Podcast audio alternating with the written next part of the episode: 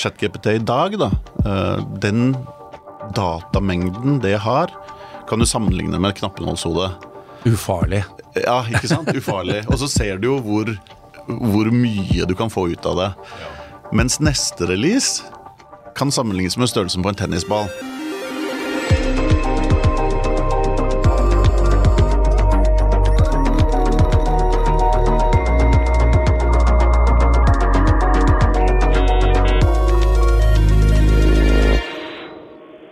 Du hører på Dobbeltklikk, en podkast fra digi.no. Mitt navn er Jan Moberg, og jeg er i studio med Odd-Rikard Valmot. Hei, Jan. Hei, Odd-Rikard. Du uh, skri har skrevet mye opp gjennom tidene. ja, veldig mye. Ja. Uh, nå er jeg nysgjerrig, for at, uh, nå syns jeg ser deg litt sjeldnere på kontoret. eh, Men du leverer mye. Er det disse artiklene du leverer, er det skrevet med chat-GPT? Eh, Jukser du? Jeg har prøvd, jeg har prøvd å jukse, Ja. uh, og jeg ble så skuffa at den gikk rett i bøtta.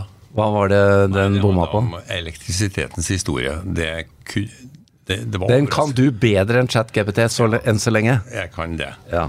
Men, men det er jo illevarslende at uh, det her uh, Hva som skjer. ja, det er det, og eh, Mye som er bra, og mye som er Men- veldig ille, Jan. Ja, men dette som vi hører med at ungdommen jukser litt på stilen i videregående og sånn, det er nå én ting. Men hva har dette å si for cybersikkerheten vår? Det er vi litt nysgjerrig på. Ja, jeg er som vanlig pessimist. Ja. Er, er, det, er, det en, er det en sånn rødt flagg på skala nummer ti, eller hva tenker du? Jeg tenker at dit kan det raskt utvikle seg, ja. Ja. Hvis ikke vi får Men- den over på den gode sida. Som sedvanlig har vi med oss en gjest som eh, kan eh, fylle oss ut på dette temaet, nemlig Pål Aasrudsæter i Checkpoint. Velkommen til oss. Takk for det. takk for det. Du hører at vi er interessert i dette. Ja, absolutt. Og Og- det, det skjønner jeg jo òg. Det er jo veldig veldig spennende. Bør vi være bekymret for denne utviklingen på AI? Ja, jeg vil jo påstå den er ikke jeg den eneste som, eh, som svarer positivt på det. Eh, Det er det andre som gjør også.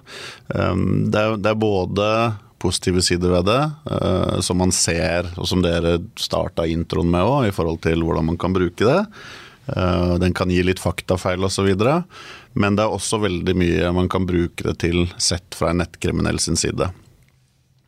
Det er vel det vi skal snakke litt om i dag, tenker jeg. Ja, det er jo det, øh, men øh, det er nå litt sånn da at øh, jeg sitter her og tenker at denne cybercrimen, den, den, er, den er ikke så viktig lenger. Nå er det tanks og fly og styrker og territorier i Ukraina vi snakker om.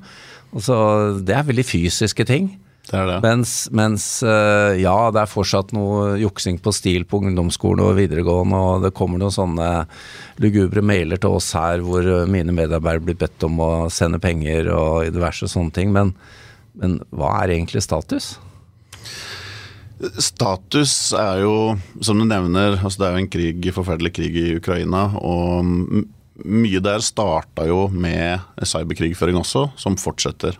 Det har vi nesten glemt. Uh, ja, nesten. Og det er vel kanskje fordi uh, Det spørs hvor du sitter hen. Jeg blir påminnet om sånne ting hver dag. Men, Jeg forstår det. men uh, de har vel eh, snudd seg mot Ukraina, mange. Um, som gjør at trykket har blitt litt mindre i resten av verden. Um, og vi sitter jo med en bekymring for uh, selvfølgelig at uh, de vil snu seg igjen etter hvert, og at de har lært mye av dette uh, som, som ikke er positivt for oss som prøver å bekjempe de. Og nå når man har fått uh, tilgang til verktøy sånn som, uh, som GPT, altså maskinlæring på den måten, så er vi redde for hva som kan komme etter hvert. Sånn som du nevnte at det er jo man gjør liksom pranks og man prøver å skrive en oppgave og stil og litt sånne ting. Men jo mer data eh, disse maskinlæringsmotorene får tilgang til, eh, jo bedre blir de. eh, og jo lettere er det da etter hvert for andre å utnytte seg av det på en kriminell måte, som, som kanskje kan gi angrep vi aldri har sett før. Men disse eh, databasene og nettjenestene ligger jo i Vesten. Eh, jeg lurer på, gjøres det ting for å stoppe russiske, for den saks skyld kinesiske hackere i å aksessere GPT? Ja da, det, det, gjør det. Hvis du går inn på, på, GPT i dag, så ser du jo at uh, det har kommet opp en del dialogbukser som sier litt om hvor man får tilgang fra og hva man kan spørre om, og at de forsøker å filtrere ut osv. Ja. Men det er lett å komme seg rundt disse tingene. Mm. Vi ser i undergrunnsfora og på det mørke nettet Eh, veldig mange eh, aktører fra bl.a. Russland som snakker om hvordan de kan komme seg rundt eh, dette. Og chat-biten er jo bare en inngangsvinkel til GPT. Ja. Her er det jo API-et de fleste vil bruke, som gjerne er forbundet med noen kostnader og sånn, så det er mye rundt det her med Eh, det å spamme eller, eller, bruke andres telefonnummer, kredittkort osv. Ja, det API-et vi nå er kjent med, er jo det skriftlige på, ja, på, på PC-en, liksom. Ja, mens ja. det er mange andre måter å komme til dette på. Det er akkurat det der. Ja. Men uh, vi må jo spørre deg, Pål. Hva er det, hva er det uh, ChatGPT det, det, det, var jo ikke noe vi hadde hørt mye om for bare få måneder siden. Mm. Hva er det nå det introduserer? Hva, hvordan kan vi snakke om det? Av nye muligheter og trusler? Ja, jeg var litt inne på det, og det er flere ting, da.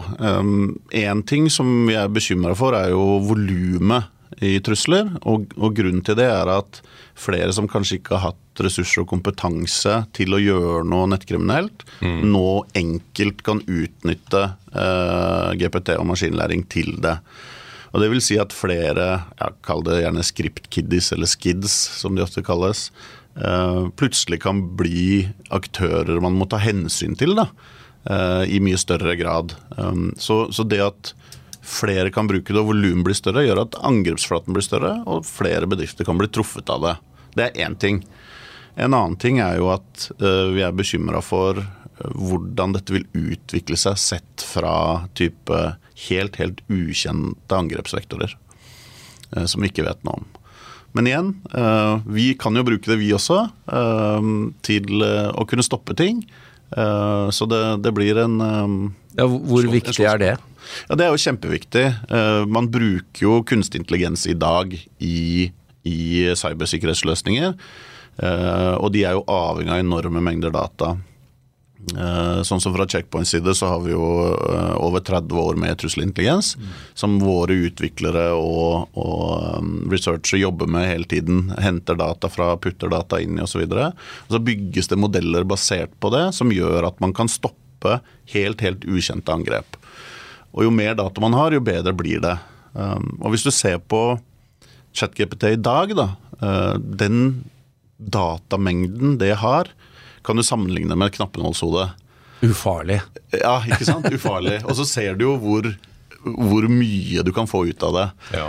Mens neste release kan sammenlignes med størrelsen på en tennisball. Akkurat. Mange, mange ganger mer. Det kan du trygt si. Og hva som kommer ut av det når det blir utnytta av nettkriminelle, det vet man jo ikke. Når kommer neste release, da? Eh, det vet jeg ikke. Eh, det kommer vel til å bli lansert på bloggen deres, tenker jeg. Men en liten påminnelse her, eh, Pål, som du kom med til oss, var jo dette ble jo startet opp dette prosjektet i 2015, og da var det en skrue som var med i starten, som ikke var, er med lenger. Det var det. Ja. Elon Musk har vel de fleste hørt om. Og eh, han var med å putte kapital inn i dette. Eh, han trakk seg tre år senere, i 2018. Og i en, et intervju på South by Southwest uh, i 2018 så uh, sier Elon Musk at uh, eh, AI er mye, mye verre enn atomvåpen. Nettopp. Og mye av grunnen til dette er at det er ikke noen reguleringer her i det Nei. hele tatt. Nei. Og utviklingen i det er så rivende rask, og at det vi ser i dag, i løpet av noen måneder bare, i løpet av et lite år, så vil det vi ser i dag være peanuts. Altså dette, dette, dette er babyfasen, det vi ser i dag, sannsynligvis. Og Ilen var kjempebekymra for det og trakk seg ut av det. Nå ser man at andre aktører går inn med masse penger i det. Nå er det Microsoft som gjør store investeringer Absolutt. i teknologien. Absolutt. Eh, og, og, det som er viktig her, er at, at man må kunne kontrollere og styre det på en gitt måte. Ja, men det er jo som kjernevåpen. ikke sant? Du kan ikke avoppfinne kjernevåpen. Nei, du kan ikke Men eh, det fine med kjernevåpen er at det er tross alt en viss terskel for å lage det. Mm. Uh, iranerne er ikke klare ennå. Mm. Mens det her kan jo, som du sier, gjøres på gutterommet. Ja, Det er ikke noen begrensninger, og alt er, er opp til det etiske kompasset til utvikleren. da, ja. ikke sant? Um, så, de, men de jobbes jo med det her, da, bl.a. fra EU og borti USA, og sånt, men ting er ikke 100 på plass ennå. Men Pål, hvis, hvis, du skal si noe til våre lyttere, enten de er privatpersoner eller kanskje spesielt bedrifter, mm. eh, hva skal de forberede seg på nå, og hvordan?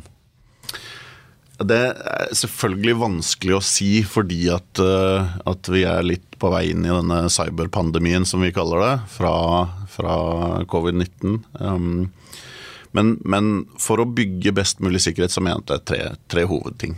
Uh, det ene er oss mennesker. Det andre er uh, teknologi, og det tredje er prosesser. Og uavhengig av hva som kommer, hvis vi kan ha teknologi som et sikkerhetsnett for oss mennesker når vi gjør feil, hvis vi kan ha prosesser som et sikkerhetsnett for teknologien, og at vi kan ha mennesker som et sikkerhetsnett for prosessene, og vi hele tiden kan utvikle og vedlikeholde det, så er vi ganske godt skodd. Så jeg tror vi må begynne der. Og det er det mange som ikke har gjort. Men eh, for dere da, som har stått i dette i mange år og vært vant til å, datasikkerhet og oppdratt både kunder og, og sikkert egne ansatte og andre rundt dere. Mm. Uh, Tidligere så var det jo dere med, med, deres egne fysiske hoder som satt og klekket ut eh, planene. Hvordan har det endret seg? Er det, er, det, er det, stort sett eh, kunstig intelligens som gjør jobben for dere eh, på bakrommet? I mange tilfeller så er det det. Ja. Og grunnen til det er sånn Hvis du ser på dette for noen år tilbake, så fikk man kanskje et, et PC-virus. Og så satt det noen forskere som analyserte dette, og så lagde de en signatur, og så ble den distribuert, og så fikk alle det oppdatert ja. etterpå. Etter at noen ja, ja, var angrepet. ikke sant? Tenk deg at det kom på disker, du kunne bare Ja, ja, ja disketter. Og, det var helt fantastisk. fantastisk. Ja. Da har du siste Norton. mens, mens, nå så er det altså Internett blir kontinuerlig skanna for sårbarheter.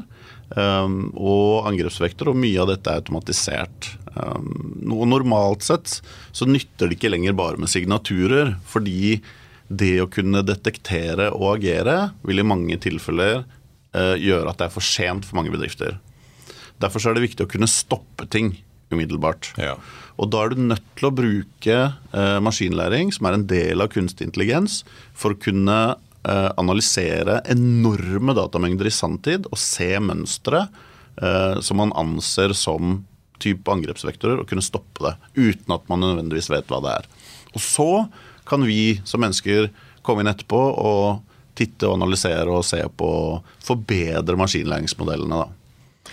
Men eh, altså, hvis du ser på kall det Vesten sine ressurser. da. Dere er jo en av de. Mm. Det er mange datasikkerhetsselskaper, mm. og de samarbeider til en viss grad. Ja. Uh, det burde jo være en sterkere force det enn det russerne har, nordkoreanerne, kanskje ikke kineserne. Men, men det burde være ganske, ganske, kraftige saker å stå imot med.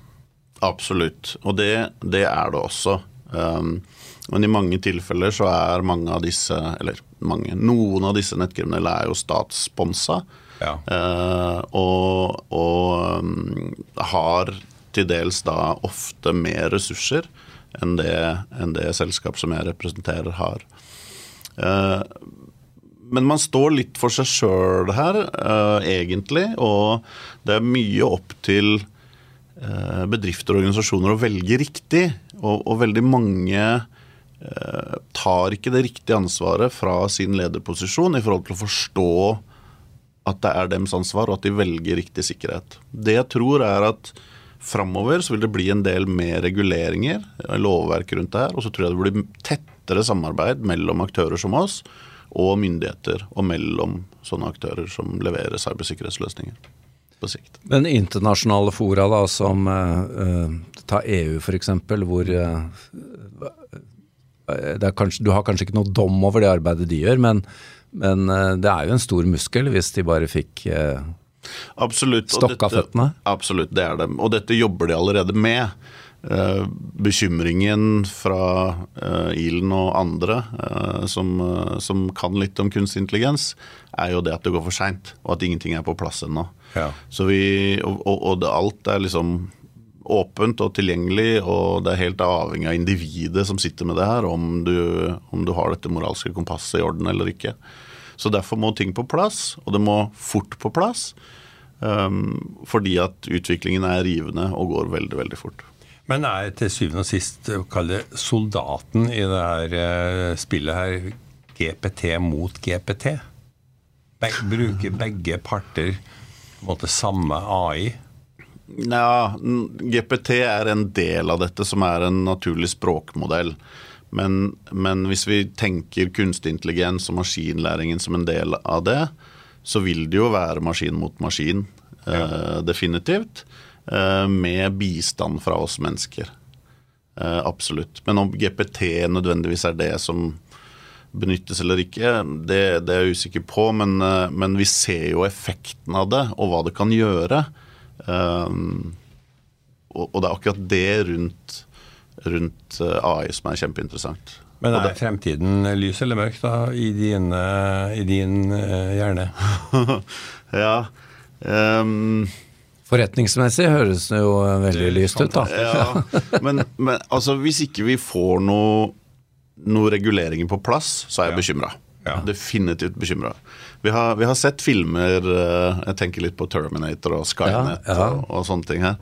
Eh, og vi er jo ikke der. Eh, men om ikke det blir regulert på noen som helst måte, hva vet vi hvordan dette kommer til å utvikle seg over tid? Altså Hvis du snakker med de som virkelig kan kunstig intelligens, så er det ikke alltid at de forstår hvilke grunnlag den tar avgjørelsene sine på. Det er jo skummelt da, å høre fra de som virkelig kan det. Det er akkurat det. Ja. Og, og, når de da, og når de da får Altså når de programmerer inn det å få Jeg vil gjerne vite på hvilket grunnlag du tok avgjørelsen, så blir de veldig, veldig overraska. Ja. Så på mange måter så er en maskin ekstremt god til å gjøre ting vi som mennesker er dårlige på, mens vi er ekstremt gode på å gjøre ting som en maskin er dårlig på. Jeg tror jeg, tiden er inne til å kjøpe gull og grave ned i hagen. ja, kanskje. ja, kanskje det. Ja. Men du må passe på å betale med kontanter da, som ikke er sporbare. Mm. mm. Vi må si takk til deg, Pål Aasrudsæter, for en, eh, i hvert fall en delvis innføring. Og må bare si lykke til med arbeidet med å stoppe de digitale truslene. Takk, takk til uh, Odd Rikard Valmot. Vår produsent er Sebastian Hagemo, og mitt navn er Jan Moberg.